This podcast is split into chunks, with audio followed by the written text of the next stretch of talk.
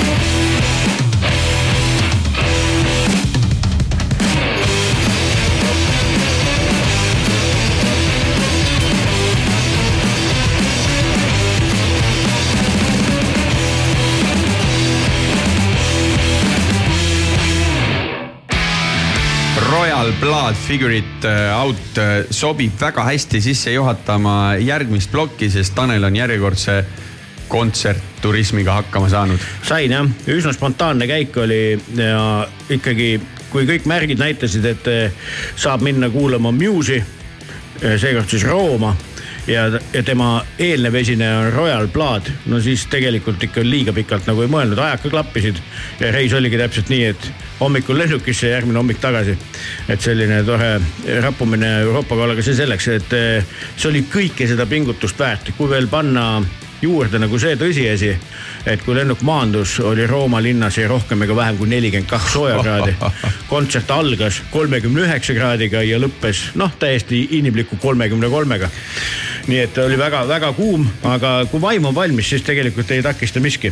mina ütlen, et minu Muse'i kogemus ju jääb kümne aastat tagusesse Saku Suurhalli. ja see oli vist kaks tuhat üksteist, kui mu mälu ei peta. üksteist, kaksteist, kolmteist, üks nendest. jah, oli väga-väga kihvt kontsert ja kui arvestades veel, et siis oli ju Matt Bellamil varbaluu murtud. ja, just. aga ega see seda meest nagu väga tagasi ei hoidnud. ühtegi asja ei seganud ja nad on nii äge kooslus, kuidagi see Muse'i elektroonika ja roki miksimine. kaks tuhat kaksteist vaatasin igaks juhuks faktide järgi. fantastiline. kuidas on Muse kümne aastaga live-bändina, kuhu poole liikunud, arenenud?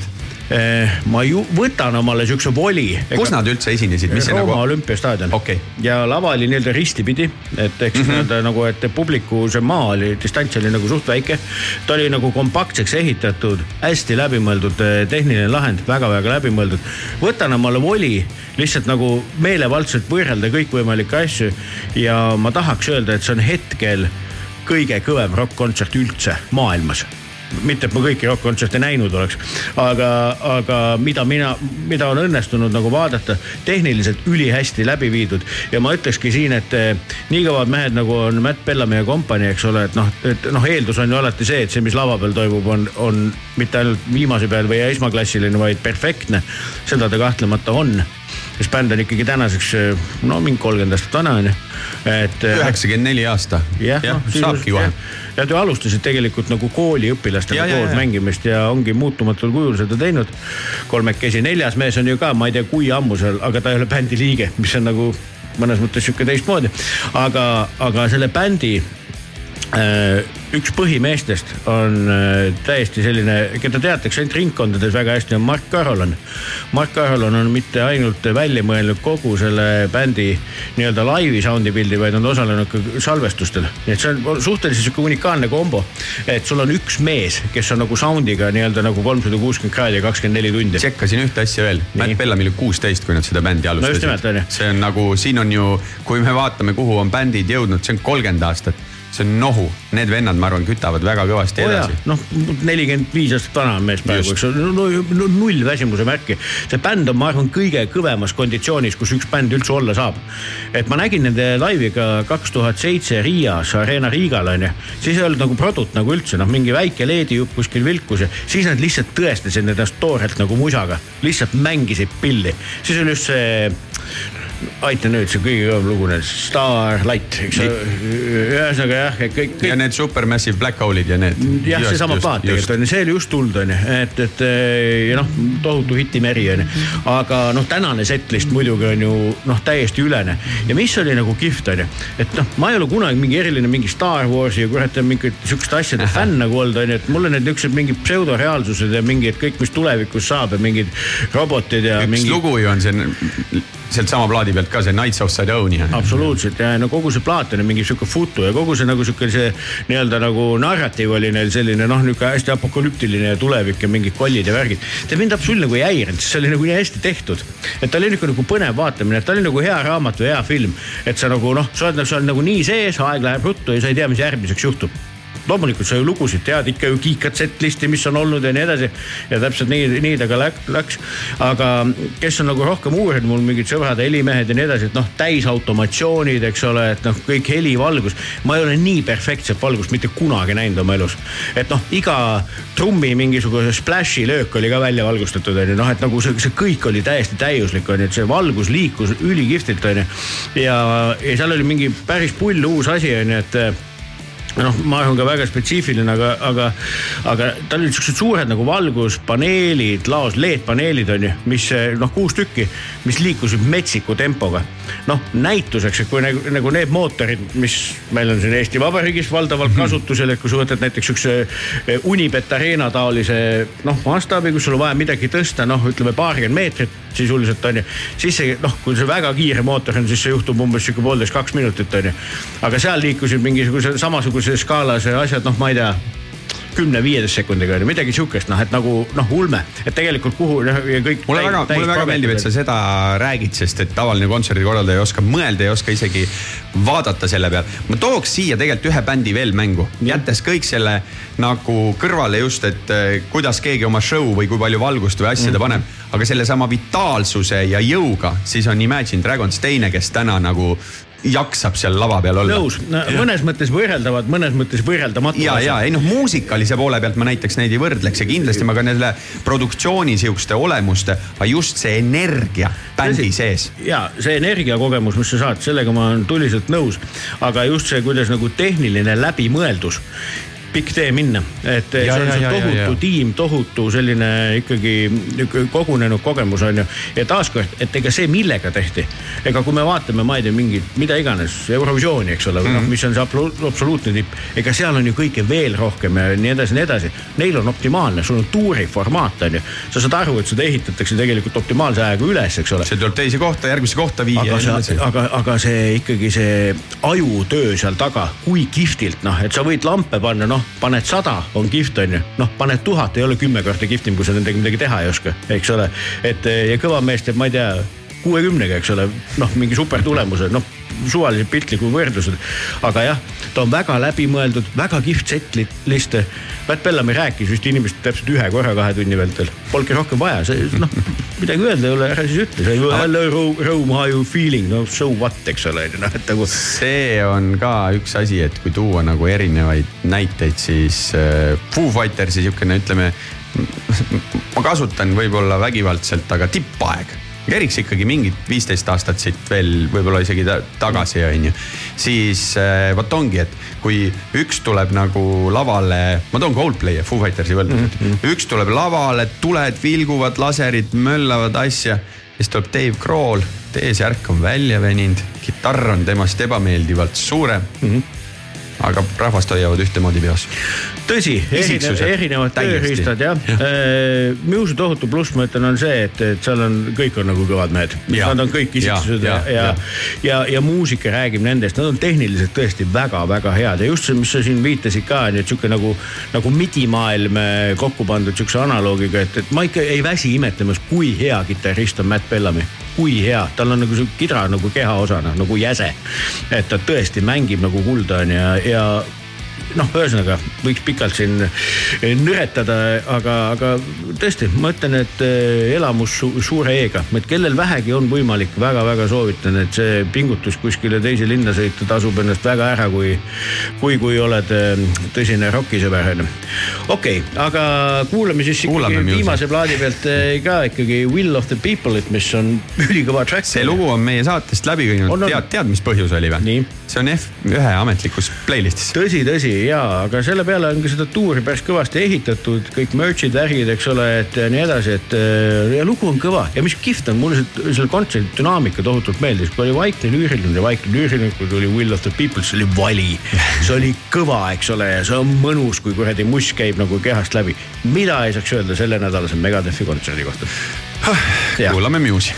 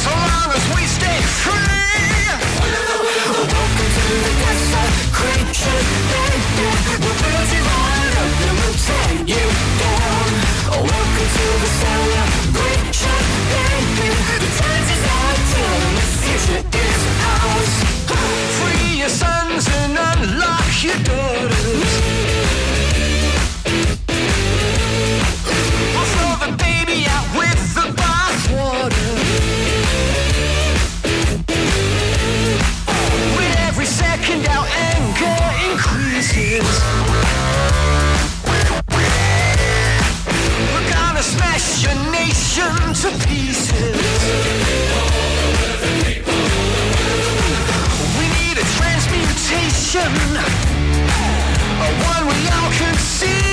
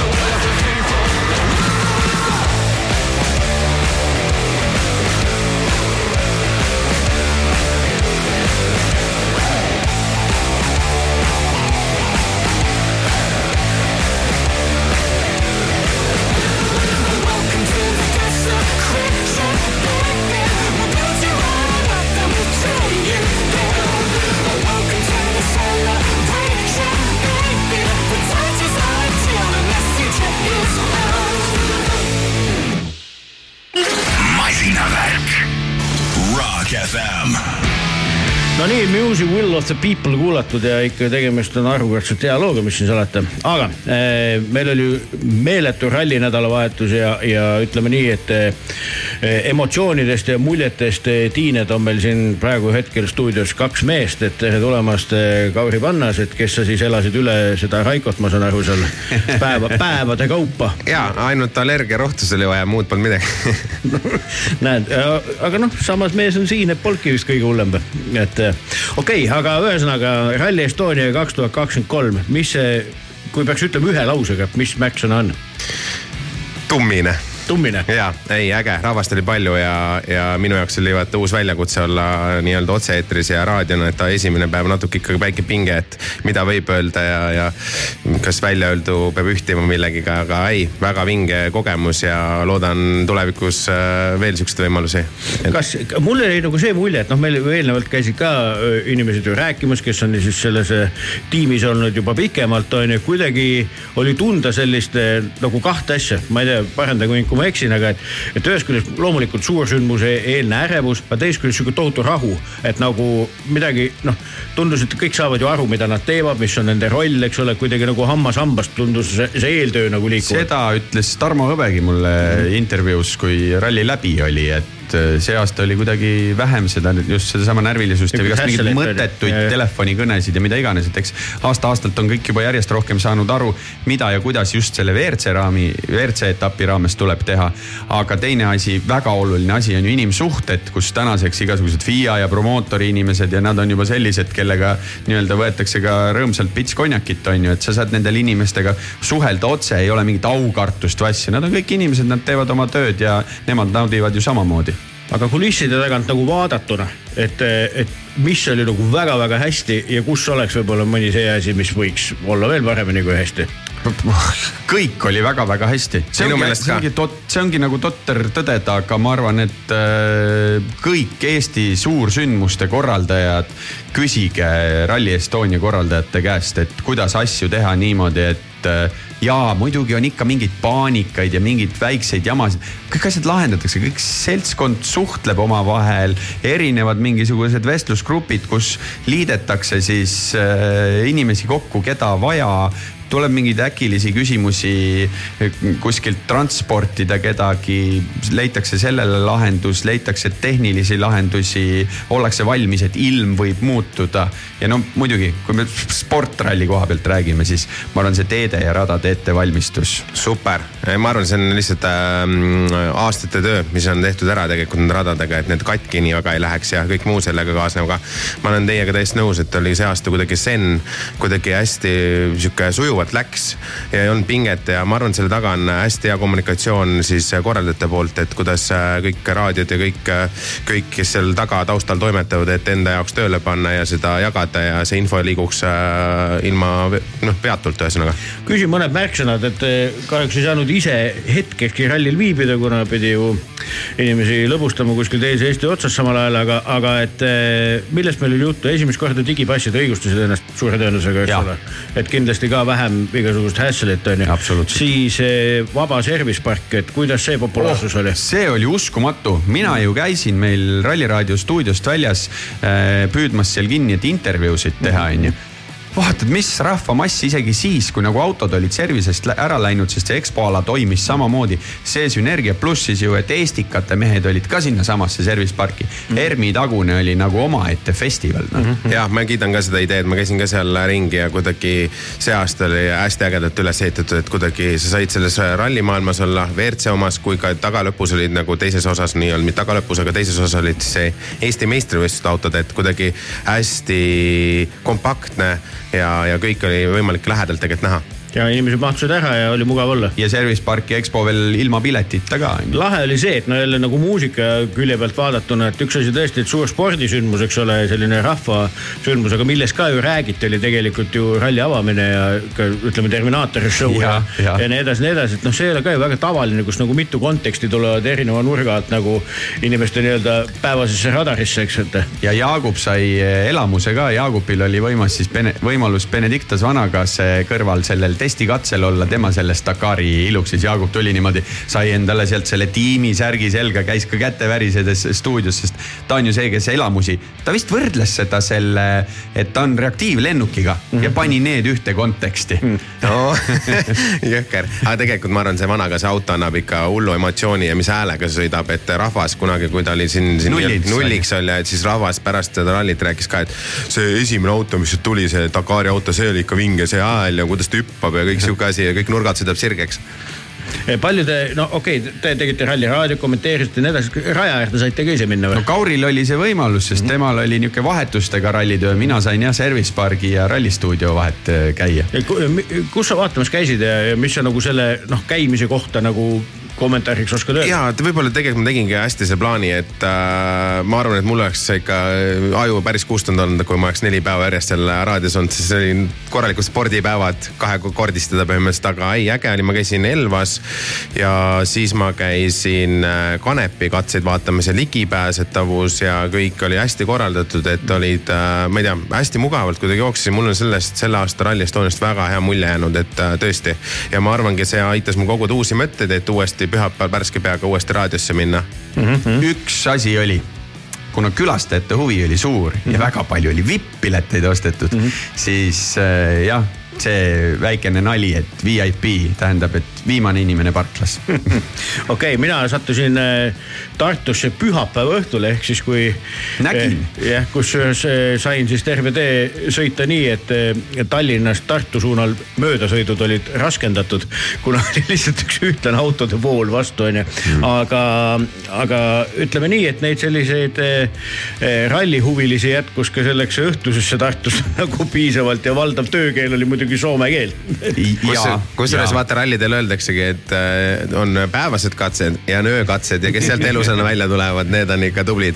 mina pean ütlema seda, et nendel öökatsetel oli näha nii ähm, Nord Solbergi kui Terrino Villi kui Teemu Sunineni pühapäeva õhtul seal ükski mees ei eh, jätnud võimalust kasutamata, et eh, Eestimaa nii-öelda sumedat suveõhtut nautida. noh, päris inimesed või? ei no muidugi, absoluutselt ja see käib alati nagu mingil määral ralli juurde, et tavaliselt räägitakse, kui ralli läbi on, siis läheme sellele kõige viimasele öökatsele aga mina, mina kindlasti, keda ma tahan eh, kiita ralliraadio nii-öelda tehniline tiim ja, ja ka jutumeeste meeskond, et Avo Helme oli koos siis Egon Pentjärvega tegelikult kõik asjad läbi mõelnud, kuidas see kõik toimiks, kuidas saaks ühendada nii-öelda poodiumi ülekandeid raadioga, lülitati vahepeal Tallinnasse, onju.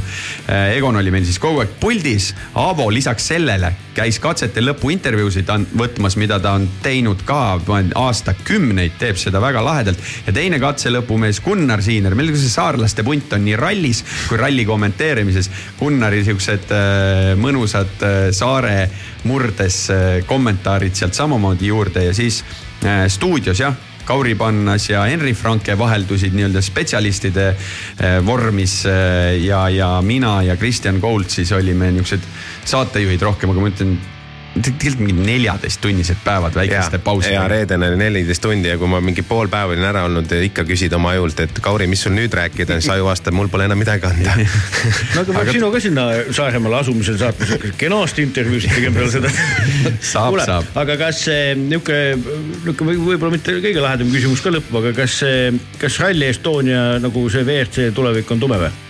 Selle kohta on hästi lihtne vastus, et elame ja näeme. augustikuuga saab ilmselt selgeks, mis äh, saab järgmine aasta, et rall. Läheb Lätti no, ära või? WRC läheb Lätti ära mm. -hmm. praeguse seisuga tundub. nagu jääb. Rally Estonia jääb, Tarmo Hõbe vastas poliitiliselt korrektselt, et ralli tuleb, milliseid tiitleid välja jagatakse mm, -hmm. ei tea, aga sealt edasi otsad on lahtised, sest tegelikult on valitsusele eh, uudiste järgi esitatud informatsioon ja promootor on kahekümne viiendal aastal valmis meid jälle, jälle kasutama. pane valitsus, ühe käega pead rääkima mingist metsikust rohepöördest ja teisest küljest tahaks ikkagi. no need on hübriidautod, mis seal sõidavad. seda küll, aga noh, vaatamata kõigele. spetsiaalse kütusega. kõva dilemma, kõva dilemma on, ikkagi, aga no kuule, ma ei taha, vastupidi, ma tahan mõelda, et eh, kasvõi ainuüksi sellest turismist on ju ikkagi see raha, mis jäetakse väiksesse vabariiki oh,. ja mulle meeldis tegelikult hõbeda lause ka, et see oleks kuritegu, kui siiamaani tehtud töö kõik prügikasti visata. sest et eh, neid sündmusi ei ole ülemäära palju, üks nendest on kindlasti Rally Estonia, teine, kui ma ei eksi, on Viljandi värimusmuusikafestival, tervisega neile on ju, kes tegelikult mõjuhinnanguid on aastaid teinud. et see ei ole meie vabariigis eriti popp teema, sest et kuidagi noh, täpselt, et enne valimisi on vaja mingi ühe, ühel ajal ühte, teisel ajal teist juttu ajada. aga näiteks kui me läheme Soome, siis seal põhimõtteliselt iga linna noh ja, ja ka väiksema omavalitsuse sündmuste mõjuhinnanguid tehakse ja, ja tohutu täpsuse ja hoolega. vaata Rally Estonia on ka sellepärast hea, et äh, väga palju omavalitsusi on kaasatud, kes toetab just. rohkem, kes toetab vähem, on ju. Mhm. aga üks asi veel, kui sa sellest rohepöördest rääkisid. Rally Estonia toetajate seas oli see aasta kvoota, Ain Väänna mm -hmm. ja Rally Estonia ise on ju Rohetiigri asutaja, nii et ega seda jälgitakse ja eelmisel aastal saadigi FIA-lt kätte kõige kõrgem märgis nii-öelda selle jalajälje mõistes äh, kõik, ma ei tea, lihtsamast asjast, prügi sorteerimisest kuni selleni välja, et millised autod on autopargis kasutada, kui palju kütust põletab. just ja selle jutu sisu ongi see, et ei maksa nagu noh, nagu päris nagu ekstreemselt nagu lolliks ka minna, sest noh, ma lugesin ka ühte või teist kommentaari, õigemini ei lugenud, lihtsalt juba nägin ära, mis sealt nagu tuleb, et no sõidetakse bensiiniga kohale, et vaadata, kas bensiini põletas, kuulge puhake jalga nagu päriselt. kuule, sellel aastal Vale oli kohta. veel üks koostööpartner, Eleport spetsiaalsed laadimisvõimalused Power Stage'il. Äh, et, et kõike seda ka nagu äh, tuua ralli kogejale, kes tahab elektriautoga tulla ka. no täpselt ja, ja nendele kommentaatoritele ka, noh tehke niisugune natuke nagu üks-ühele matemaatika, et sul on auto, millega sa sõidad, suure tõenäosusega täis mingisugust tehnoloogiat, on ju. ja liialdamata seitsekümmend protsenti on tulnud võidusõidust. jaa, aga, aga siin ongi mõte nagu võib-olla minna selle vundamendi juurde, et mis sport see on, et me ei võrdle ju tegelikult täna võrkpalli, ma ei tea, autoralliga on ju, et need on kaks nii erinevat sporti, et seal ongi, seal käib see aasa kaasas täpselt samamoodi nagu F1-ski. et äh, noh püüa, püütakse võimalikult ikkagi paremaks minna ja seda jalajälge vähendada, mis no, on minu arust tubli. et tahaks, eks ole, sellel rohepöörde autol pidurdusenergiast, eks ole, kondentraatorisse, eks ole, saada. aga kust need tulnud on? võistlusspordist, ei kuskilt mujalt. okei okay,, kuulge, aga väga äge, et igal juhul näen, et meestel silmad säravad siiamaani, et, et. meil on see, et meil see Ralliraadio vestlusgrupp, meil juba nädal aega tööst möödas, aga. ikka vestled? niisugune tunne on nagu olnud nagu võistlus nädalavahetusel. istud kakskümmend aastat ära, siis vangla väravas räägib veel paar viimast juttu. minu meelest see on jah, Ralliraadio oli seal inimeste kõige poole pealt sihuke, et kui lähed kinno, siis on nagu super kombo, võtad võtad sealt mingi asja nagu, ei tegelikult oli äge, ma ütlen ausalt, et müts maha. no vot, aga siis järgmine aasta tehke jälle ja nii ta läheb. jah, ja masinavärgi Facebookis saate ka vaadata videona mõnda intervjuud. kuule, aga veel häid uudiseid siia lõppu täiesti teiselt teemalt, et eh, nüüd tuleb üks sihuke eh, meil esitusele, mis kannab nime Creed. üks sihuke vana selline postkrungelik isegi võiks öelda punt, kes siis ütles välja sihukese asja, et järgmisel aastal on sihuke comeback summer of ninety nine. üks, üks Creed on USA-st tulemus, kus äh, bänd tuleb uuesti kokku ja seda on, ma arvan, olemas rokkmuusika fännid oodanud juba tükk aega, et Creed'i uuesti kuulata ja panime siia mängima siukse loo või kohe hakkab mängima nimega Bullets, mis on minu meelest üks kõige ägedamaid plaadi avalugusid läbi aegade. nii et siis seda kuulame ja loodame, et bänd tuleb kokku ja ralli toimub ja et lootus sureb viimasena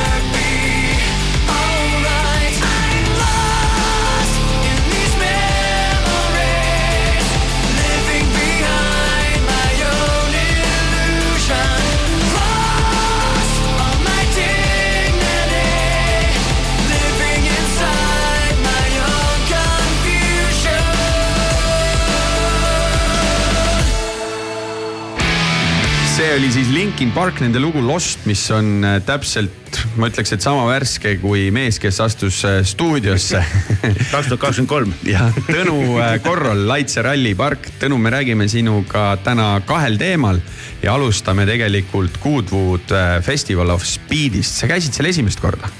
jaa, käisin esimest korda. see oli ju tegelikult niimoodi nimekirjas ootel juba jupp aega, jah? No täpselt tegelikult, toimus kolmekümnendat korda, käisin esimest korda, ma ei tea, Euroopa tippüritus, kui vähegi, vähegi bensiini veres on.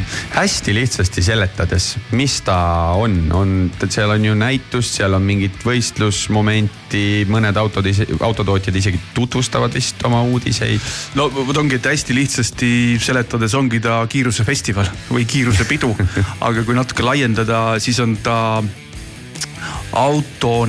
autonäitus, staatiline pluss dünaamiline, vanad võidusõiduautod, uued võidusõiduautod, tänavaautod, uudismudelid, klassikalised autod autooksjonid, auto varuos-, mitte haruosade, vaid kõiksugu autodega seotud memorabiilia müük. Staarid, värgid. keerime, keerime tagasi, koht on mis? kus see aset leiab? see leiab aset Londonist lõunas, peaaegu rannikul Inglismaal. koha nimi on siis Goodwood mm -hmm. ja Brighton võib-olla on seal yeah, tuntum yeah., tuntum linn lähedal suurem. Brighton Beach on tõsi küll teises linnas ka aga äh, ongi lendad Londonisse, siis sealt mingi rongi või rendikaga. ja äh, väga mugav minna, et, et sa võid kogu oma, võid, võidki, võid kasvõi nagu mööbimise võtta Londonisse, saad ah, sõita, no saab, et, et saab sinna, ütleme Goodwoodi lähedal, kui sa liiga hilja ärkad, on, on, on kõik juba võetud, et, et siis mm. võib-olla see Londoni kaugus ongi seal tunnikene, et, et see kannatab ka välja. palju sinna inimesi orienteeruvalt kokku tuleb? see on niimoodi, et see on neljapäevane üritus, igal päeval on viiskümmend tuhat inimest, see tähendab, et kokku kakssada tuhat inimest ja see on siis piir, nad rohkem ei võta no. et kevadel üritus toimub juulis, kevadel kuskil aprill-mai saavad piletid otsa, sest et nad üle ei müü, see tähendab seda, et nad. võtsin koduka lahti, praegu saab juba osta, kolmsada nelikümmend üheksa päeva ja kakskümmend kolm tundi on minna hetkeseis ah,. see on hea, hea vihje kusjuures. ei nüüd ma naljata selles mõttes, et, et maailm, noh näiteks ju tulid early bird, registreerisid pomm-pomm-pomm,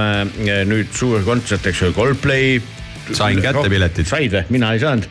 tegin kõik nii nagu peab, onju, põhimõtteliselt ootejärjekorrad, asjad ja lootusetu. vastab tõele, oli mingi hetk sihuke tunne, abikaasa tegeles sellega.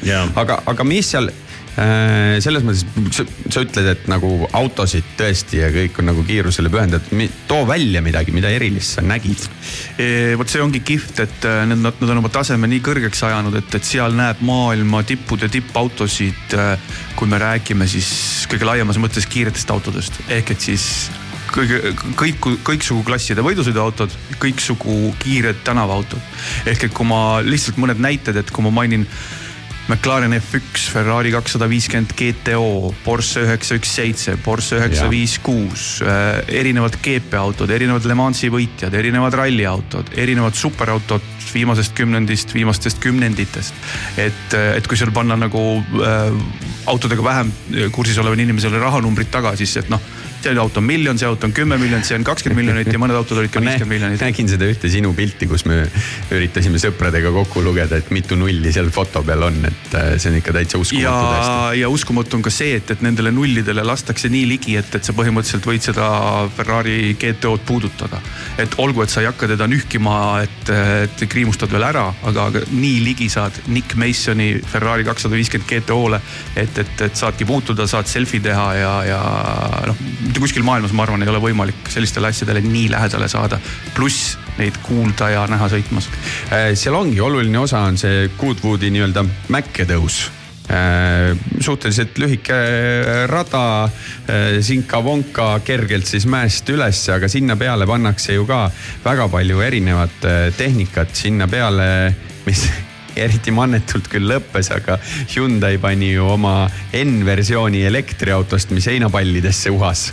no vot, seal ongi see, et, et äh, võib-olla peaks alustama sellest, et kõik see toimub eramaadel, ühe hertsogi eramaadel ja siis tal. Äh, Woodwood House'iga mõi, on see mõi, jah? mõisa, jah, mõisa peahoone eest läheb läbi selline kilomeetrine asfalteeritud mäkketõus Äh, ja sealt mööda, ega seal väga kiire autoga, ütleme mingi vormel üks autoga. on käidud, aga. on käidud, aga, aga, aga näha oli, kuidas need vanad Le Mansi autod, et need olid hädas, et, et vihma ka veel sadas, et, et seal tegelikult võib-olla sihukene väikene elektrikas oleks, oleks kiirem. aga ütleme niimoodi, kui elektriauto läks mööda, siis sa nägid teda või näinud, aga igatahes sa ei kuulnud teda. aga kui läks mööda mingi kaheksa või kaheteistsilindriline monstrum X aastat vana, siis, siis see oli nagu, see oli ikkagi sõltumata sellest, et ta väga suurt hoogu üles ei saanud, see oli ikkagi hämmastav. Ott Tänakki käis oma autoga seal sõitmas. ja Ott Tänaku leidsime, leidsime ka üles, ma arvan, et, et see ralliautol oligi kindlasti õigem koht kui mõnele teisele, ma ei tea, seitsmesaja hobujõulisele monstrumile. sest et lisaks Otile veel tegelikult Jari-Mati Latval on Malcolm Wilson üle pika aja ise roolis elus esimest korda üldse selle ralli üks auto taga, aga, aga samal ajal äh, Rowan Atkinson, suur autofänn temale oli siis proovida ju Toyota poolt GR Yaris aga see tarbis, see põletas vesinikku, et kui me oleme harjunud, et vesinikautodest räägitakse, siis vesinikust toodetakse üldjuhul autonduses elektrit. elekter viib autot edasi, aga Toyota on läinud seda rida, et äh, põletatakse vesinikku. ja Jari-Mati Latvala ütles selle kohta mulle peale Rally Estoniat ka, et see pigem võiks olla tulevik, sest alles jääb see sound ja kõik edasi, keskkonnale on puhtav. ja, ja see vesinikku, vesinikku saab ka kahtepidi kasutada, nagu sa kirjeldasid ja, ja Rowan Atkinson väga kiitis seda lahendust ja, ja see on selles mõttes hästi huvitav huvitav, et see tema suust tuleb, et, et ta on teada-tuntud bensiinipea, eks ole, ka endine McLaren F1 ja ma ei tea, mis kõikide autode omanik. aga teistpidi, tema on tänaseks endale juba selle elektriauto tee läbi käinud omas äh, pistikhübriidi, loobus omas täiselektriautot, loobus ja nüüd, nüüd ta näeb tulevikku selles äh, vesinikus. tegemist on inseneriharidusega inimesega, ei saa. just nimelt. aga sa mainisid, eh, mul kohe kikitasin kõrvu, et ikkagi sellise muusikahuvilisena, et Nick Mason, et teada-tuntud Pink Floydi trummar, kas ta oli ise ka kohal? Ma teda oma silmaga ei näinud, aga, aga reeglina ta on seal olnud iga aasta kohal. tema auto oli kohal, tema auto sõitis rajal ja Nick Masonil on tohutu tohutult võimas autokollektsioon. ja, ja selle, sellest ma olen, ma olen selle kohta lugenud, tal on sihuke hästi nagu mõttega, noh vaata nagu kokku shopata või mida iganes, aga tal on ka. tal kuidagi... on väga, ütleme kvaliteetkollektsioon, et, et tükiarv seal nagu ei loe, kuigi tal on mm -hmm. mitukümmend autot, aga need autod on kõik eraldi pärlid nagu seesama mm -hmm. Ferrari, et, et selle Ferrari ta ostis seitsmekümnendatel. ta ostis selle täna see Ferrari maksab viiekümne ja saja miljoni euro vahel. toona ta maksis selle eest kolmkümmend tuhat naela, mis täna tundub, et oh nii vähe, eks ole, aga kolmkümmend tuhat naela toona oli maja hind mm. -hmm. aga noh, täna muidugi selle auto raha eest saab rohkem kui ühe maja. tema, kui ma ei eksi, kui ma ei eksi, oli ka vist kas mingit elektrotehnika, mingisugust mingit päris tõsist asja õppinud on ju, noh et see trummimäng kuidagi puhtjuhuslikult sai ka nagu maailmakuulsaks. kuidas seda selles mõttes seesama pilet aegsasti ära osta, muidu ju tundub nagu lihtne äh, külastada. tasub alustada, jah, mina soovin, esiteks võtke kätte ja minge, esimene asi pilet äh,, ürituse pilet siis Äh, kuna tegemist on Londoni kõrval toimuva üritusega, siis lennupiletid, ööbimised, rendiautod, nendega on aega, maa ja ilm, need saab igal juhul, need ei saa sealt otsa, sest et Londonis ei saa asjad otsa. aga ürituse pilet esimese asjana, ürituse pilet on käes, siis ma ei tea, milliseks kuupäevaks, mina soovitan sinna vähemalt kaheks päevaks minna. Ja, ja siis selle järgi saab edasi vaadata, et seal ülejäänud asjad ei ole üldse kallid, ega see pilet ei ole ka kallis. see oleks ka minu küsimus olnud, et kui noh, neli päeva tundub üüratu aeg, eks ole, isegi kui mingi sellisele tõsisele fanatile, aga kas need päevad nagu selles mõttes programmilised ja, ja igatpidi on seal niisugused nagu highlight'id, et tasub seda nagu ka väga tõsiselt vaadata või oled kaks päeva ära, siis on nagu. kui sa oled kaks päeva ära, siis sa, siis sa peaksid ära nägema, lihtsalt kui sa lähed sinna üheks päevaks, siis on kogu aeg sihuke FOMO mm. -hmm. et fear of missing out, et sa jääd millestki ilma, et, et jälle kuskil nurga taga kuuled, kuuled midagi, aga ei näe ja, ja mm -hmm. tahaksid näha ja tahaksid joosta ja. et sihukene siis, kui sa jooksed ja tõmbled nende ägedate autode keskel, siis ei ole ka nautimine. aga kas see viiskümmend tuhat on niimoodi, kas ta nagu häiriv või kas, kas ka äh, nagu sihuke no, nagu tunglemine või? mina, mina tohutult nagu, mulle rahvamassid on väga vastumeelsed.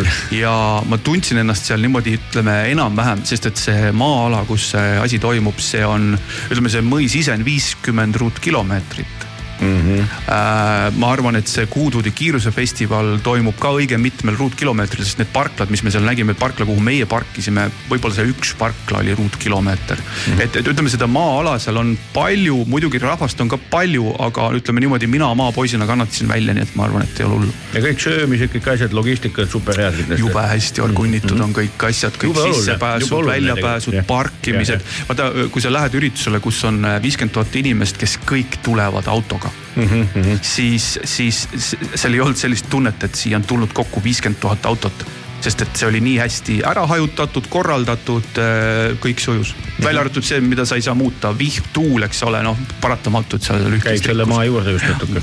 ma tahtsin öelda selle parkla jutule lisaks, et Rally Estonia ajal, kuna seal ka mõned vipp-parklad, inimesi tuli tõesti palju, jooksid umbe ja just nimelt vipp-parklad, siis vipp sai eesti keeles uue tähenduse. viimane inimene parklas okei okay,, kuule, aga vist on kätte jõudnud vahepeal see Mussi kuulamise aeg või? on, aga Tõnu ei lähe kuhugi, sest ei me lähe, räägime lähe. Eesti Goodwoodist kohe edasi. ja me räägime, hakkame rääkima Youngtimerist ja üks Youngtimer mees sai meil siin kaheksakümmend just. vananemise märk on null. mees on päriselt nagu oldtimer aga, aga on täielik youngtimer. ja jutt siis ei kellestki muust kui Sir Mick Jaggerist ja kuulame sihukest lugu, mille ta siis tegi oma suts noorema youngtimeriga koos ehk siis Lenny Kravitsiga.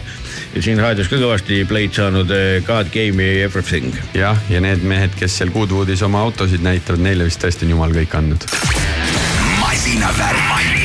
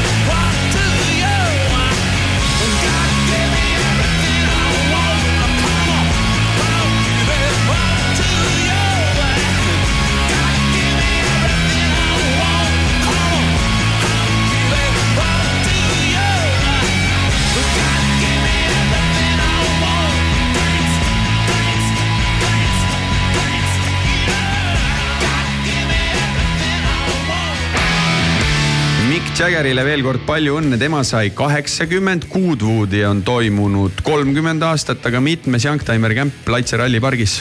Lausa seitsmes see on ka uskumatult kiiresti see aeg tegelikult no, läinud. Pole paha Eesti kohta, seitse korda. Young Timer, küsin kohe üle siukse asjatundmatu küsimuse, on siis tänaseks päevaks tuhat üheksasada üheksakümmend kaheksa või? alates või? E, jah, tuhat üheksasada üheksakümmend kaheksa ja vanemad ehk et autod, mis on kakskümmend viis ja rohkem aastat. aga oldtimer tuleb siis kust maalt? no meie defineerisime tänavu oldtimerit üle neljakümne aasta vana. ahah, okei okay.. sest need aja, aastanumbrid nihkuvad nii palju lähemale, et, et kaheksakümne kaheksanda aasta autot nagu ei tahaks oldtimeriks nimetada, aga, aga kaheksakümmend kolm siis on täna meil see. meil on, meie, meie näitusel on jah kaheksakümmend kolm. üheksakümmend kaheksa, kaheksakümmend kolm, jätke meelde, on täna. aga tuhat üheksasada üheksakümmend kaheksa välja tulnud autode hulgas on ka juba ju natukene siukseid asju, mis ma ei tea, no ei, ei ta sinna Youngtimerisse ka veel hetkel nagu oma peas ju sobituda ei no see ongi huvitav, et, et kui me võtame aasta üheksakümmend kaheksa, siis välja tulid äh, sellised autod nagu BMW E nelikümmend kuus, eks ole. kolmas, kolmas seeria, mis suhteliselt värske, eks ole, aga, aga juba tegelikult läheb sinna aasta. Jatt Multipla äh, noh, eks ole. Peugeot kakssada kuus. jah, et äh, värsked autod, millega mõni mees siiamaani sõidab, eks ole aga mis see põhiline mass on, kui siin läbi aastate sa oled vaadanud, et mis, mis mark või mis riik see ikkagi esindatud Eestis on? kui me räägime siis sellest Youngtimerist, kus äh, osalevate autode keskmine vanus tänavu registreerinutest on tegelikult kaheksakümmend üheksa, keskmine vanus. see näitab, et seal on vanemaid autosid ka. Eesti kõige populaarsemad hobiautod selle näituse järgi on BMW, Volkswagen, Mercedes, Audi Honda ja siis tulevad teised järgi. ja sest nendel paljudel ju Mercedesel näiteks, neil on need klubid ja asjad olemas just. ja kahtlemata, noh, eks seal on, et, et mõne, mõne automargiga mingis vanem, vanemas vanuseklassis äkki on rohkem lööki, aga ütleme Youngtimeri, Youngtimeri kontekstis see BMW on ikkagi teistest ees.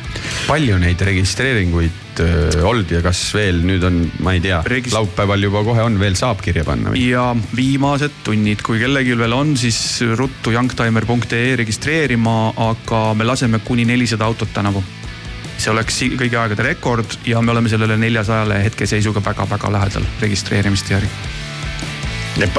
nojah, okei okay., et ühesõnaga, et nelisada, seda siis, eks ole, see suurus kuidagi koha plats nagu määrab äh,? jah, et meil on äh, näituse jaoks Laitses äh, pooleteist hektarine plats äh, see on päris suur plats mm, -hmm. aga mingist hetkest see plats saab ka täis ja, ja nelisada autot tegelikult on juba selline hulk et ma ise, ise näen seal seda, et, et, et kas seal oleks suurt vahet, et kui me leiame veel sajale autole koha, et, et viissada autot, et kas see teeb ürituse nii palju paremaks mm, -hmm. et, mhm. et see on nagu mõttekoht aga ütleme nelisadat me peame võib-olla ise ka järk-järgult minema, et kui mullu oli seal kolmsada, kolmsada viiskümmend, et, et me natukene ikkagi nagu kompame siin enda äh, rallipargi piire, et, et äh, teada saada, kas, kas see nelisada on okei okay.. mis aga... kellast tulla? jah, just ja ajakava tahtsin. näituseautod äh, tulevad, äh, nad teavad, mis kellaks tulla, aga ütleme, pealtvaatajaid ootame kella üheteist kolmekümnest. -hmm. ja, ja üritus kestab seitsmeteist kolmekümneni ehk üksteist kolmkümmend on see hetk, kus need nelisada autot on, on juba platsis, rivi seatud on ju. ja, ja. toitlustused, asjad on valmis. just, päevajuht on valmis ja, ja saab tulla, saab tulla neid. vaadati, vaadati mulle otsa, sest et ma juhin seda päeva. no ka okei okay uudis, et ühesõnaga, aga kui tulla, siis ähm, ka, et parkimiskorraldused, asjad, kas sul on mingeid näpunäiteid, mida silmas pidada, kui ja, äh, sõita? tasub, tasub sõita, eks ole, siis Laitse rallipargi poole, mis on äh, Haapsalu maanteel maanteele käärates Pärnu maanteelt. ja sealt edasi parkimine on korraldatud mm, -hmm. piletimüük on korraldatud, sissepääs on korraldatud, toitlustus on korraldatud, et, et mingit erilist mõtlemist ei ole, lapsed, pere kaasa, kaardikeskus avatud, lasteala avatud, tegevust tervele perele, ilma lubatakse väga päikselist, et. ja piletihind, millega peaks arvestama? viisteist eurot on täiskasvanu, lapsed on tasuta. lapsed tasuta on mingi vanuseni või? kaksteist. mõistlik aga samal ajal ju, kui on kõik need nelisada autot vaadata, siis on ju muid lisategevusi, Kaubatänav, söögid, laitse, muud asjad. no meil on seal meelelahutusi plaanitud, mõned tahaks jätta üllatuseks, aga ütleme niimoodi, kõik on otsapidi autodega seotud, seal on väiksed tegevused äh, autodega seotud ja, ja väike meelelahutus ja, ja auhinnad ka tublimatele pealtvaatajatele. aga asi, asi või muudatus, mille ma tahaks nagu ära mainida, on see, et, et kui me enne rääkisime Hoodwoodist, eks ole lihtsalt viitena Eh, siis tänavu näeb meie näitusautosid siis kõiki ka sõitmas. see on nagu oluline äh, muudatus, et, et seal on ikkagi see, et auto kui selline on ju dünaamiline nähtus et okei okay,, et kui nad on ära parkinud, neid on ilus vaadata, saad võib-olla seal omanikuga juttu rääkida. aeg-ajalt mõni paneb käima. aega vaata tahaks, et, et no pane käima või et tahaks näha, et milline see auto sõitmas on. et siis tänavu meil ongi niimoodi korraldatud, et iga auto nendest neljasajast saab teha siis ühe, ühe demoringi, see tähendab, et siis mitte kihutamisringi, vaid meil on seal kõrval üks äh, äh, võistluskaardirada. mööda seda äh, kõik autod saavad rahulikult teha ühe tiiru, pealtvaatajad saavad seda vaadata ja ma arvan, et see, see, see võiks olla küll kulminatsioon, mis on, mis on vaatamist väärt. tundub väga äge igal juhul. mina olen seal käinud, ennegi päeva juhtinud niisama külastajana käinud, ta ongi tegelikult tore kogupere sündmus, sest jah, noh, tegelikult saab karti samal ajal sõita, lapsed saavad seal liikluslinnakus olla. no automaja on avatud, et sa saad ja, meie, meie enda vana autokollektsiooni uudistada, mis, mis on siis märgatavalt vanem kui see kakskümmend viis aastat või Youngtimer, et, et selles mõttes, kui meil on pealtvaatajatele plaanitud kuus tundi tegevusi, siis kuus tundi saab seal ikkagi mõnuga ära täita ja, ja ja isegi selle neljasaja auto vaatamiseks läheb ma ei tea, läheb natuke aega. kas äh, välja tuua midagi, mis on juba midagi erilist registreerunud? päris äh, toredaid autosid on registreerunud ja, ja mul on äh, selle pealt, äh, mul on alati hea meel näha, kuidas Eestis see hobiautondus edeneb.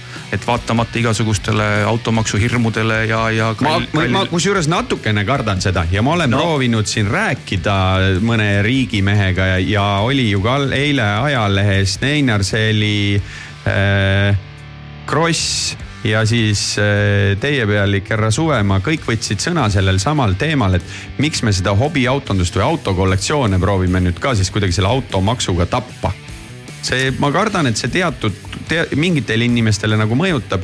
mulle, mulle üks inimene suutis öelda, et aga noh, ise kokku kahmanud siin neid autosid, asi tal nüüd seda maksu siis pole maksta. ma, ma lähtun ka sellest no,, et maksu... juba on majandusse nagu panustatud selle mingi auto korda tegemisega onju no vot, aga siis ongi see, et võib-olla tuleb tänavu Youngtimerile tulla vaatama seda neljasadat autot, et äkki järgmine yeah. aasta on ainult nelikümmend selle järel vaevalt küll. ei no vaevalt küll, mida, mingeid inimesi see kindlasti mõjutab, neid hobiauto inimesi, eriti neid, kellel on, kes on vaata, ma saan aru, mingid suured kollektsioonid, härrased, kellel võib-olla on raha rohkem, aga teatud inimesed on sihukene kolm-neli-viis autot, teda mõjutab see võib-olla rohkem, ta loobubki millestki toredast. see on totrus kõik nagunii, tegelikult on see totrus, võib selgelt välja öelda. sest et see maks peaks olema, me lähme nüüd muidugi Youngtimerist kaugele, aga see, see maks pidi olema ju selleks, et me saaks mingi registri puhtaks ja eh, puhtamad autod teedele ja nii edasi no.. Mm -hmm. aga see ei ole kuidagi nii, ärme selle peal rohkem peatu. Youngtimer Camp on eh, laupäeval külastajale oluline asi see tule Laitse ralliparki, see ei ole Tallinnast, ma ei tea, pool tundi autos. no sõltub jah, kust sõitma hakkad, mina ise sõidan kodust sinna kaheksateist minutit sul on kodu õigesti valitud. üksteist kolmkümmend kohale tulla, seitsmeteist kolmekümneni on eh, tegevusi jaa, garanteeritud väga tore, et siis eh, kel plaanid tegemata, kohtume Laitses, mitte et Eestis vähe sündmusi samal ajal toimuks, aga et eh, hästi valitud päev, aga midagi teha ei ole.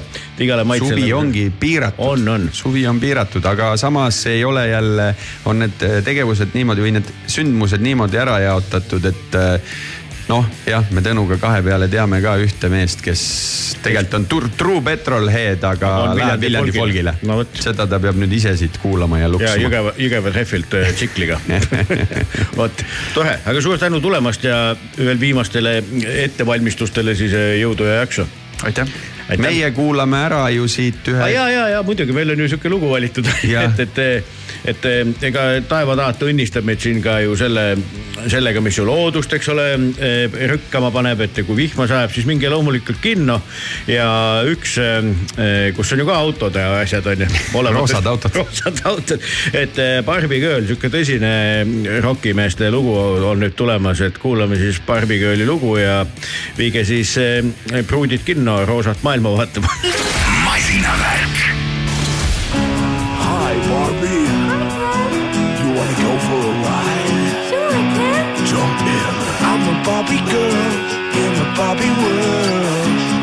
plastic, it's fantastic. You can brush my hair and dress me everywhere. Imagination, life is your creation. I'm a Barbie, let's go party. I'm a Barbie girl in a Barbie world. Life is plastic, it's fantastic. You can brush my hair and dress me everywhere. Imagination, life is your creation. A blonde bimbo girl in a fantasy world. Dress me up, make it tight, I'm your darling.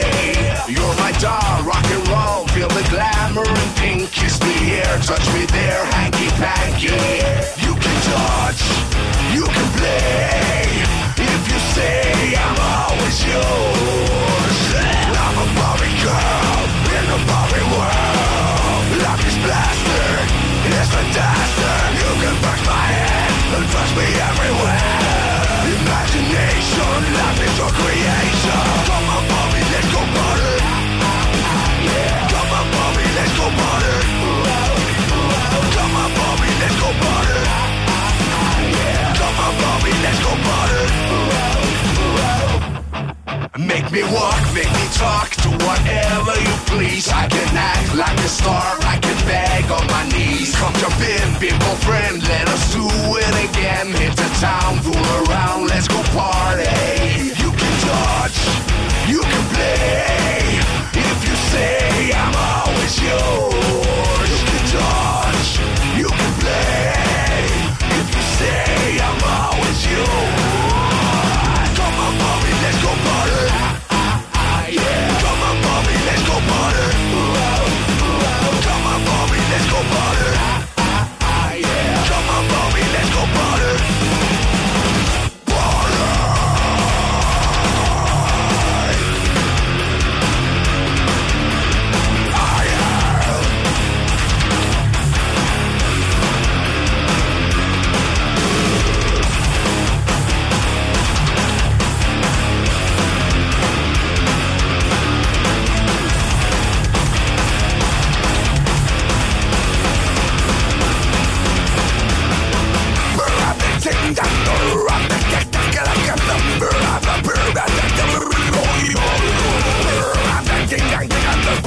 Rebel, rebel, rebel, rebel, rebel, rebel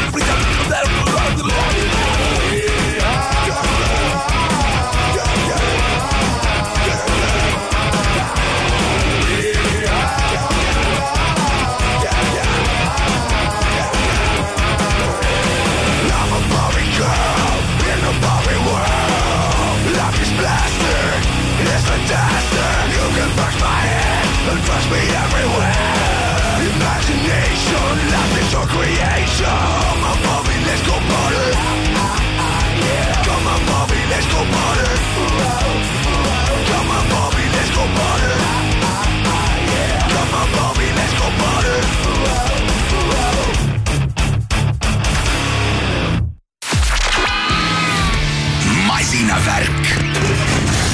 homujõude ja detsibelle rahistavad autoentusiast Raiko Ausmees ning muusikasõber Tanel Pandre. masinavärk.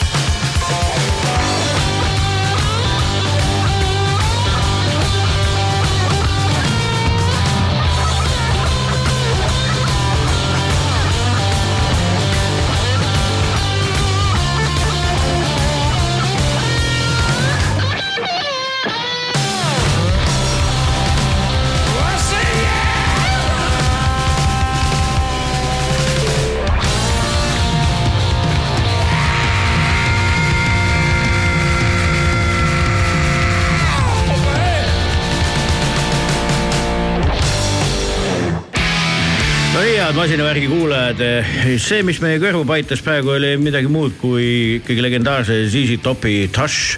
sellised soundtrack'id nagu That Little Old Band from Texas ja põhjusega, sellepärast et kaheksateistkümnendal juulil kahe tuhande kahekümne esimesel aastal oli just nimelt see lugu viimane, mida legendaarne Dusty Hill eh, kontserdil mängis, enne kui taevased teed ta enda rüppe võtsid ja, ja põhjus väga lihtne, miks me ZZ Topiga oma seda saateplokki alustasime, et meile on külla tulnud taaskord äh, legendaarne korraldaja Raul Ukareeda rääkimaks siis Augusti bluusist, mis on meil kohe-kohe ukse ees ja, ja seal ongi siis sellel aastal tulemas ka üks eriline projekt Zizi Topile austuse avaldamiseks ja tere tulemast, Raul ja räägi meile projektist. tere. on jah, selline põnev lugu, et äh, kõigi poolt palavalt armastatud Mihkel Raud on otsustanud Augusti bluusil lõpuks üles astuda tehes siis kummarduse Zizi Topile jah, mis ju teatavasti on tegelikult puhas bluusbänd või vähemalt oma tegevuse esimene pool äh, oli täiesti puhas bluusbänd ja noh, siis hiljem on selline äh, natukene moodsama kõlaga bluusrock olnud võib-olla, aga nad kusjuures mängivad oma seda esimese otsa Äh, bluusikava väga sageli. kusjuures ma toon siia ühe toreda paralleeli, et kui nad mängisid üheksakümne kolmandal aastal äh, Rock Summeril onju, siis kõik läksid kuulama seda, ma ei tea, seda Eliminaatorit, mis need, need plaadid olid, et noh, Kimmi oli lavingut onju ja null, null seda, noh tuligi see seitsmekümnendate rida, siis nad olid ringiga jõudnud tagasi, et noh, et see disko on tore, aga see bluus on ikkagi jõle palju toredam. nii et ma sain jõle palju siukseid, noh kuule, see ei ole üldse see, mis me nagu mõtlesime, et see ei ole üldse see MTV musa, no noh ei olegi noh no,, bänd ju tuleb kuskilt mujalt ja palju varem tegelikult. ja just äh, mõni päev tagasi Emil Rutiku ütles mulle, et äh, kuskil, ma ei tea, kas ta ise kuulis või keegi rääkis, et oli kuulnud, et keegi publiku seast oli öelnud, et nad mängivad nii uusi lugusid, et ma ei ole neid kuulnudki just, aga bänd vist, kui mu mälu ei peta, alustas ju oma tegevust kas mingi kuuskümmend kaheksa või midagi niukest. midagi sellist jah. enne, enne seitsmekümnendaid jah ja, aga see bluusi osakaal oli siis nii tummine. muidugi, muidugi ja muutumatus koosseisus oli siis kuni tegelikult eh, ühe mehe ja. looduslikule valikule, eks ole, aga, aga, aga mis põhiline, et, et pole ju püssi põõsasse visanud punt on ju. aga ja. tagasi tulles projekti juurde, et kes siis Mihkel eh, nii-öelda manu on võtnud? no ta teeb seda vist tegelikult äh, ikka üsna oma bändiga. et seal on äh, Kammistet, seenior ja juunior mm. -hmm ja, ja, ja kõik, kes tal seal tavaliselt on, ma ausalt öeldes ei teagi, kas tal on seal mingisuguseid abijõude või ei ole, aga igastahes on jah, sada protsenti Zizi Topi tribuutprojekt. tohutu korraldaja usaldus on ju, kuule Mihkel, tee midagi minu arust on see, et kui Mihklil soenguga on nagu kõik okei okay,, siis see habemega sellega, kas ta on nagu tegelenud? habe ei mängi, käed mängivad. ma saan aru, kas ta sellega on tegelenud ja no loodame, et ta on jah kasvatanud mär, ikka märgatavalt. kui Mihkel oli kuusteist, siis tal oli väga vägev abi. oli, olen näinud neid Singeri-Vingeri raamatupilte just, just, aga okei okay,, et see on siis üks paljudest asjadest, aga räägi, mis Augusti bluusil veel, äh, millised on arengud nojah, et et äh, veel kui eriprojektidest, et siis äh, aeg läheb ja rõõmud jäävad ja Compromise Blue on saanud märkamatult kolmekümne viie aastaseks. et äh, tuleb meilgi seal tähistada seda ja Emil Rutiku saab kuuekümne aastaseks see aasta. et sellele on meil pühendatud väike esinemine seal, millega seoses, kusjuures ilmub ka meie esimene vinüülplaat no siit väike vihje, kui tahate juubelit väärikalt tähistada, peate kompromissi kuidagi ennast mängima nihverdamas. mulle meenub Raul Ukareda viiskümmend, nüüd Emil Rutiku kuuskümmend on ju. eks ta nii on noh, et eks me ju selline elupõline bluusbänd oleme ja kus me ikka seda tähistame, kui mitte meie ainsal ja kõige suuremal bluusifestivalil Augusti bluusil Nonii, et kaks asja on meil nüüd siis teada, et, et, et mis veel, kuidas, mida, mida sellist olmelist on, mida inimesed peavad nagu teadma, et ikkagi see Haapsalu piiskopilinnus on nagu põhikoht on ju. tahtsin üldse sellest alustada, et me kuupäevasid ka oleme öelnud juba või? Äh, kohe varsti järgmine nädal. järgmine nädalavahetus, neljas kuni kuues august. traditsiooniline aeg. jah, Haapsalus endiselt. ja kord on mingisugune kolmekümne, ma ei tea, mitmes juba on ju ei, veel ei ole, kahekümne üheksas kõigest. no vot, aga ikka vähemalt suurusjärgus oli enam-vähem õigesti. aga tuleme Taneli küsimuse juurde, et kas on mingeid korralduslikke asju, sest et noh, kuna ta on festival, see hõlmab linnas no, väga palju erinevaid. mingeid huvitavaid kohti võtnud, noh mulle meenub rongijaam ühel korral, siis on kultuurimajas olnud asju, onju, et noh ja Piiskopi linnus on nagu põhivärk alati. Need on kõik samamoodi ka sel aastal olemas. Raudteejaama kontsert tõotab vist tulla eriti menukas see aasta, sest selle peaesineja on Kappel ja Tibu mm. -hmm. Margus Kappel ja Andu Kõiv alias Tibu, noh kaks. kahe klaveriga teevad või? jah okay,, no Kappel lahe. mängib vahepeal kitarri ka kindlasti. mida, mida tasub tegelikult veel ekstra oodata. seda ei juhtu eriti tihti onju ja, ja see on jube nauditav. aga noh, see, kui nad kahekesi seal oma klaveriduelli teevad, noh, see on midagi. no mis, mis päeval see on, mis ajal? see on laupäeval mm -hmm. ja see kontsert hakkab kell üks päeval? kell üks päeval ja see on oh. päevane kontsert, see on üliarmas on see raudteejaama kontsert, ma arvan, et see. kuidas ehm, veeta parimat pohmelli elus, ma arvan, et see. no vot, vot, vot täpselt nii ongi. minule hakkas muidugi silma laupäeval see sushibaari Kiil terrassil ja viisteist null null, ma teen igal hetkel, kui võimalik, siis Räpina Jackile reklaami. See on ka nii tore, et nemad seal samuti programmist osa on saamas, sest et kuidagi hakkab juba nii minema, et Räpina Jack on küll siin, ma arvan, et Eestis enim varsti kontserte andev äh, kooslus. Ja see tuleb neil hästi välja ja, ja nad on meil juba mitmendat aastat ja täiesti noh, võib usaldada mehi, ülihea värk. muidugi, muidugi. Sullivan Aga... Unplugged hakkas siit kuskilt. no vot jah, mina ei ole neid näinud, ma ei tea, sada aastat. ma just tahtsin sama asjani jõuda. no päris comeback vist ei ole, et see comeback neil juba vist oli natuke aega tagasi, aga ega nad väga sageli ei esine, et meie juures ja siis äh, jah, et ongi, et kui uuendustest rääkida, et siis nad mängivad meie täiesti tuttuuel laval ma arvan, et see on kõige romantilisem lava kindlasti meil see aasta. ta asub rannapromenaadil tantsupaviljonis hästi, hästi. Kuusaali kõrval see nagu? no peaaegu jah natuke.... see on siis tasuta kontsert või? see on tasuta kontsert. seda nagu seal... piirata tundub kuidagi keeruline. ja, ja, ja see ongi äh, meil need päevased üle linna igasugused kontserdid on kõik tasuta. raudteejaam, raudteejaam on küll piletiga aga need äh, sellised linnalavade kontserdid on kõik tasuta ja, ja seal selle uue promenaadi tantsupaviljoni lava peal mängib meil reedel kaks asja ja laupäeval kolm. Reed-, reedel on veel üks põnev asi, mis on juba ka traditsiooniks saanud tegelikult Bluule nimeline selline luulekontsert. ma selle Bluule luule juurde tuleks äh, Tuleb peale tagasi. ühte väikest muusikalist Jaa. vahepala. sa võtsid kaasa ühe, kas võib öelda, et ühe niisuguse nagu tähtesineja või peaesineja, ma arvan, festivalil raske välja joonistada, aga, aga tähtesineja Tommy Castro, Make, Make it back to Memphis, et äh, mida ütleb paari sõnaga sellise äärmusmehe kohta? no see on üks minu enda vana lemmik äh, lääneranniku California bluusimees. Väga pika ja teeneka karjääriga ja praegu üks prominentsemaid tegelasi üldse mille tõestuseks on tal ette näidata viimasel kahel aastal ülemaailmsetel bluusiauhindade jagamisel võetud põhimõtteliselt kõik peaauhinnad. niimoodi siis. okei okay,, kuulame Tommi Kastrat ja jätkame siis Augusti Blues kaks tuhat kakskümmend kolm ülevaatega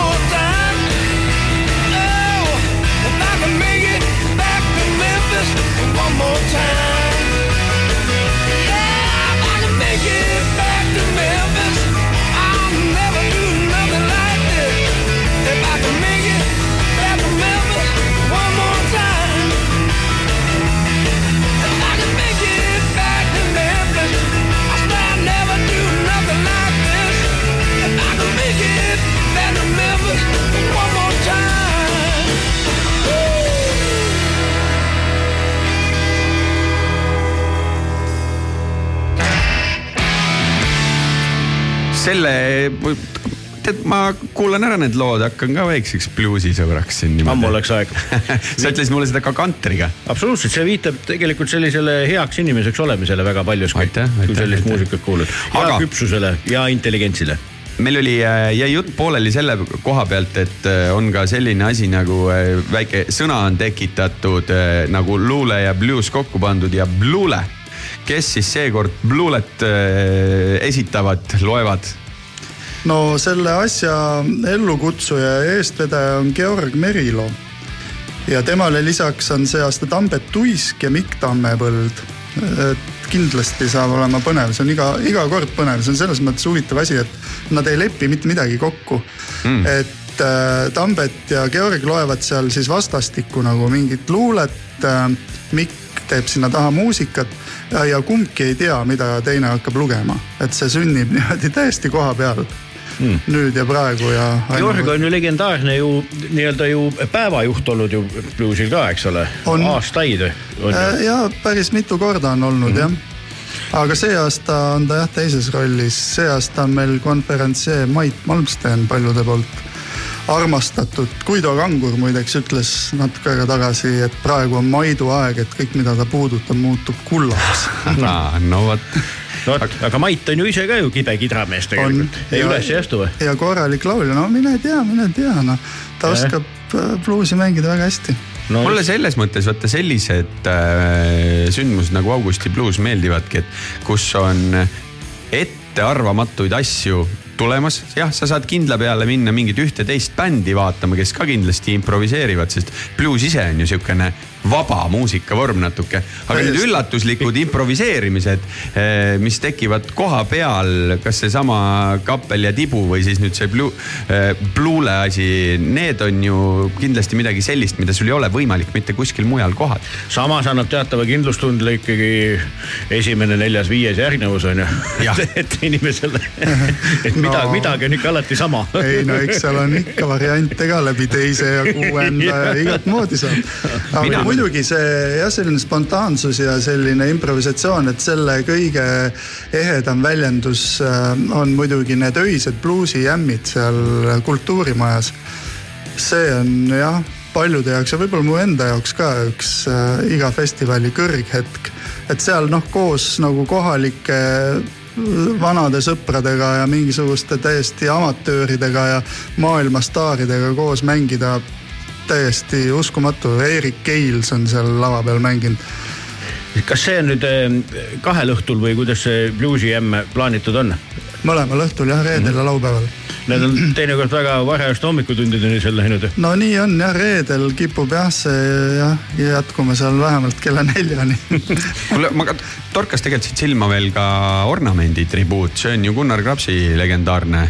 see on vägev, vägev asi jah, see on vägev asi jah, et et äh, ma nägin neid Krapsi juubelikontserdil Nordea oli ta vist tol ajal kontserdimajas.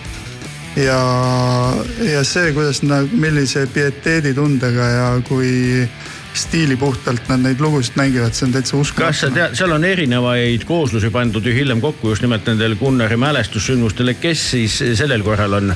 Aavo Ulvik klahvidel, Elmar Liitmaa kitarril, Jaanus Raudkats bassil ja Andres Oja trummil. ja Rait Sohkin vokaalil või? jah, just nii. Mina tooks siiski välja, et me, mis see reedese ja laupäevase päeva lõpetavad ka DJ-d ja need ei ole niisugused inimesed, kes nagu esmapilgul DJ-na võiksid silma paista. Reedel Tõnu Kõrvits ja, ja ei selle üle ma olen väga uhke, meil on tõesti maailma kõige põnevamad DJ-d, et noh, et kui inimesed on juba päev läbi seal, eriti laupäeval mingisugune kella üheteistkümnest äh, poole üheni öösel kuulanud bluusi, siis võib-olla tahaks kõrva puhata ja enam seda kitarri kangutamist ei viitsi enam.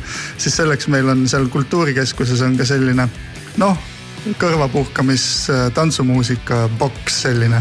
ja seal on jah, tõesti ühel õhtul on, on kõrvits ja, ja teisel õhtul on tursk ehk Madis, Madis Aegmaa, vot sellised. DJ Tursk ja kõrvits, päris hea. Tõnu Kõrvitsal olid aastaid legendaarsed eh, Tõnu Kõrvitsa diskod alati jaanuarikuus ja alati Nõmme kultuurimajas, mida reklaamiti välja umbes A4 suuruse plakatiga Nõmme kultuurimaja seinal ja see oli puu püsti täis alati no,, puu püsti. ise põline Nõmme poiss. elab ju sealsamas kultuurimaja taga ju no, just seda tasub oodata, sest et see on väga ettearvamatu miks tavaliselt mm. -hmm.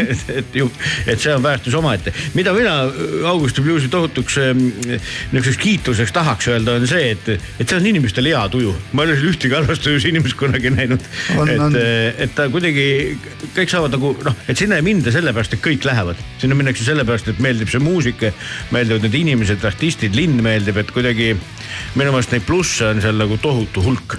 ja, ja ei no see atmosfäär ongi, see ongi meie firma märk ja selle üle me oleme uhke ja seda me üritame hoida ja kogu aeg järjest paremaks teha, et et siin ma teengi üleskutse, et kes veel ei ole käinud Augusti bluusil, kindlasti tulge, et need üheksakümmend kaheksa protsenti inimesi, kes Augusti bluusile oma jala on tõstnud, tulevad sinna alati tagasi ja see, seda ma võin garanteerida. kas mõni ohtlik eh, sündmus ka selles mõttes ohtlik, et, et piletid võivad otsa saada, kus peaks nagu no, võib-olla mingeid teadlikke valikuid tegema? raudteejaam on natuke selline, et, et seal on teatavad piirid, kuigi on seal noh inimesed mahuvad sinna perroonile ka, see on üle saja meetri pikk ja see on katusega kaetud. aga ikkagi noh, see ootepaviljon, kus, kus põhi, põhiline tegevus toimub, on noh ikkagi piiratud ruum, et seal ma kardan, et võivad piletid küll otsa saada, jah. no vot, aga veel kord siis üleskutse, et tulev nädala lõpp, Haapsalu linn, Augusti Blues traditsioonid paljude jaoks ja kes pole veel sinna mingil põhjusel jõudnud, siis parandage oma viga jah, tere tulemast ah,. ja lõppu sa valisid ju ka ühe, eks ole, tähtartisti Match Caulfieldi loo Don't, Don't know what I do on see ja. lugu selle vennaga on üks huvitav lugu, et tegelikult ta on meie ajaloos esimene peaesineja või noh, ütleme selline tähtsam esineja, keda me kordame Eh, ta esines juba või peaaegu esines kahe tuhande kaheteistkümnendal aastal.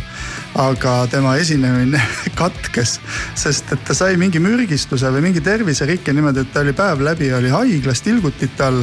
siis ta kuidagi imekombel turgutati üles, et ta tuli lavale ja hakkas mängima, aga siis hakkas seal kokku vajuma, nii et ta sai kolm lugu mängida ja siis parameedikud viisid ta uuesti sinna haiglasse tagasi, nii et tema see kontsert noh jäi pooleli, et nüüd me loodame, et ta mängib selle lõpuni no aga aumees selles mõttes, et, et väga äge, et äh, ikka käivad hädad inimesi pidi, aga et, et see kuidagi niimoodi ilusti elegantselt lahendatud saab, nii et väga kihvt. et kellel kontsert pooleli jäi, siis tulge vaadake lõpuni no tore, aga suur-suur tänu tulemast ja jõudu jaksu korraldamisel. aitäh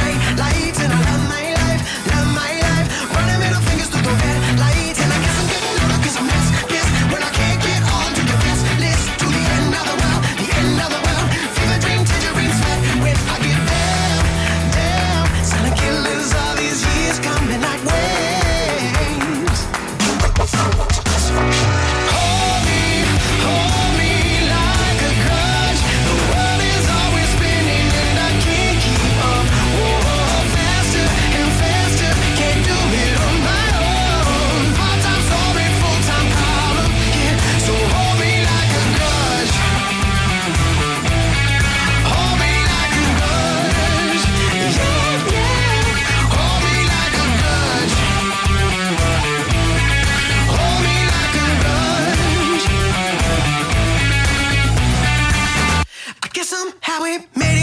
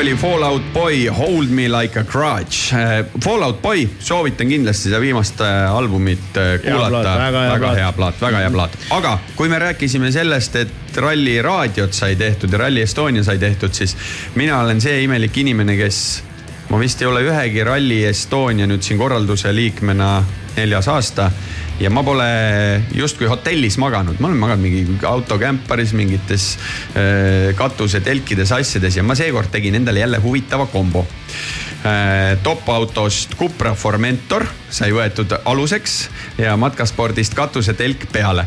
see setup nägi nii kuradi äge välja, et äh, ma ikkagi sattusin seal ralli ajal nii mõnegi inimese sotsiaalmeediasse, kus siis oli ära märgitud ja ma nägin siis, ei teatud, et mina sellega näiteks sõidan, aga noh, masinavärk oli ära märgitud, meil oli seal kleps peal või keegi, keegi teine.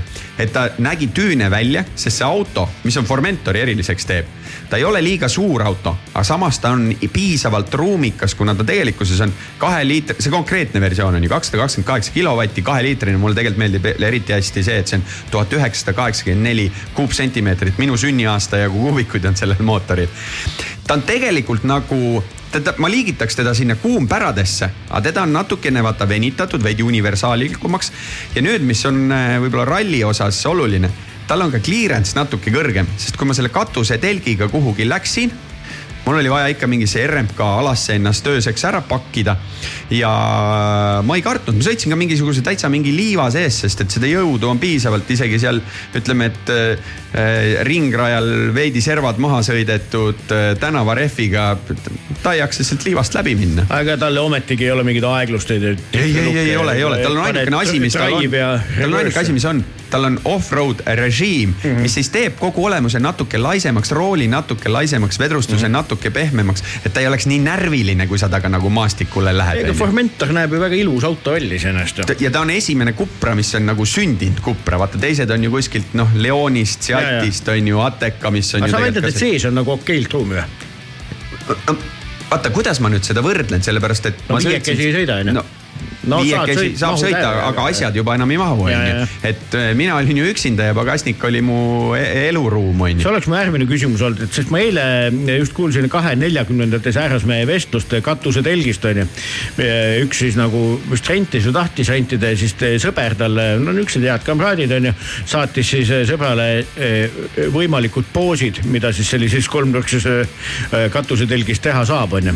et siis mõtlesin, et sekkun ka vestlusesse vestluses ütlesin, et siis see reverse cowboy võiks olla okei okay.. mille peale siis äh, päris kindlad ei olnud, kas ta just cowboy peab olema, aga pigem nagu girlboy nii, ega nalja kõriauguni. kuidas siis oli seal telgis asju ajada? ma olen ju selles taga, magamistelgis, katusetelgis ju ööbinud, ööbinud küll ja veel, onju. ja ma tõdesin taaskord, et äh, vägagi kaif äh, toode, mis mulle meeldis mina läksin, lõpetasin oma mingi ralli tööpäeva Ralliraadio tööpäeva, kiire mingi asjatoimetus veel arvutis, söök ja siis oli sedasi, et vaatasin, et okei okay,, lähen veel mingi ERMist läbi. nii, aga kuhu ma siis lähen? RMK lahti oh,, kuusteist kilomeetrit kuhugi Saadjärve juurde mm. -hmm aga see on ikka pigem, et nagu üksi on nagu mõnus magada, eks ole. no nagu no, kui oled ikka nagu aus. Äh, peaks küsima Tormi ja Maidu käest, kes Aafrikas mm -hmm. kaks nädalat seal koos magasid. suured mehed. jah, Tormi ütles, et tea, ei olnud nagu mingit muret. jah, see on ja, teine asi, aga ei, kahekesi on äh, täitsa okay,, täitsa, täitsa okei okay. mm., sest neid telke on tegelikkuses, minul oli see siukene ette kiiresti lahti käiv, mis ma tahtsingi öelda teed klõpsti ühe klambri lahti, amortidega ülesse mm, -hmm. redel, istud sisse mm, -hmm. rämeda vihmaga ülihead materjalid ja nii mhm. edasi. ja kui see matkaspordi valik nagu ette võtta, seal on ju siukseid, kus sul on auto ette tuba võimalik teha, on ju, ja, ja rohkem magamiskohti. ma just tahtsin küsida, neid versioone on ju tõesti tohutu hulk, aga no kellelgi mingi huvi peaks tärkama, et umbes noh, väga-väga üldiselt, et mis, missugusesse hinnavahemikku niisugused asjad jäävad? Ma ütleks, ma, ma, ma ütleks, et Äh, kolm tuhat alates, kui mm -hmm. sa mhm. tahad vaadata, on mhm. ikkagi see valik, mis, kus on kvaliteetsed telgid ja head materjalid, sest et okei okay,, sa võid ju mõelda, et Eestis mm, sul on nagu, kuidas ma ütlen, et äh, äh kasutad seda vähe või nii edasi, tead UV hakkab neid materjale sööma, lukud ei taha käia, kõik selline osa on nagu äh, väga tähtis, et äh, mi, mida sa, mida sa nagu, mis sul selle tarbimise puhul äh, läheb, aga noh, ma ütlen, et tegelikkuses on väga hea telgi saab juba ka sihuke kahe poole tuhande ringis, isegi gramm võib-olla vähem kätte, lihtsalt see funktsionaalsus. mis ta kaal on umbes? tead, ma ei oska peast öelda, kahekesi tõstsime sellele autole peale. et on nagu, kes sa kuskile garaaži, ma ei tea, panete kuskil seina peale. seina äärde püsti, mis iganes, et ta ei võta tegelikult ju palju ruumi, kui ta on kokku pakitud. sa saad teda teatud määral kasutada lisapanipaigana, sest et sinna sisse sul on võimalik jätta need magamisriided, matkatoolid, matkalaud ja no, vabalt, kui tahad, on ju, võid selle ka sinna sisse jätta, et ta te tekitab sulle siukse veidi lisapanipaika juurde mm. -hmm. sellel samal asjal kolmest erinevast küljest võimalik, et noh, olenevalt autost, kuhu sa siis, kuhu sa pargid, kus sa paned, kuidas sa ta sinna peale paned, on ju. ja, ja sees on ka mingisugused taskud, panipaigad, valgusti, ma ise mõtlesin, jumala lahe oleks tegelikult mõttetu lisa muidugi, et seda ei pea telgitootja sinna panema, aga Bluetooth kõlar võiks olla mm. -hmm. ja ähvardusteks on ka hea, hea näiteks, kui laps tagaistme peal jaurab, ütleb, ma panen su sinna. tead, ja nad ütlevad selle peale, et muidugi, muidugi, sest ma tulin sellega viimane õhtu koduhoovi, mul ei jäetud võimalustki, et kuna ma selle järgmine päev pean ära andma, et, et ei läheks siis äh, nii-öelda magama või matkama. ma ütleks ühe asja veel, mis sihukesel automatkamisel, mis minul oleks võinud matkaspordist ka seda asja vaadata või küsida. tead, täna on ka mitte ainult akupangad, vaid need akujaamad justkui mm. -hmm ma, ma ei oska nende hinnaklasse öelda, aga need, mis annavad sulle tükk aega kahtesadat kahtekümmet mm -hmm. volti välja, sest mul oli ikka paar korda oli see, et arvutil hakkas aku tühjaks saama, tahtsid veel nagu mingid asjad teha, aga jube hea oli muidugi teistpidi, kui see elekter otsa sai. kuule, aga lähme nüüd siis selle jutuga Soome matkama ja Soomest omakorda Põrgusse et, et sihuke lahe bänd on juulikuus üllitanud sellise loo, mis kannab pealkirja Aloha from hell ja bändi nimeks The Sixty Nine Eyes, mis on sihuke Soome veitsa tumedama rocki sihuke lahe bänd, aga jah. lipulaev lipulaev, et Sixty Nine naisi Aloha from hell. masinavärk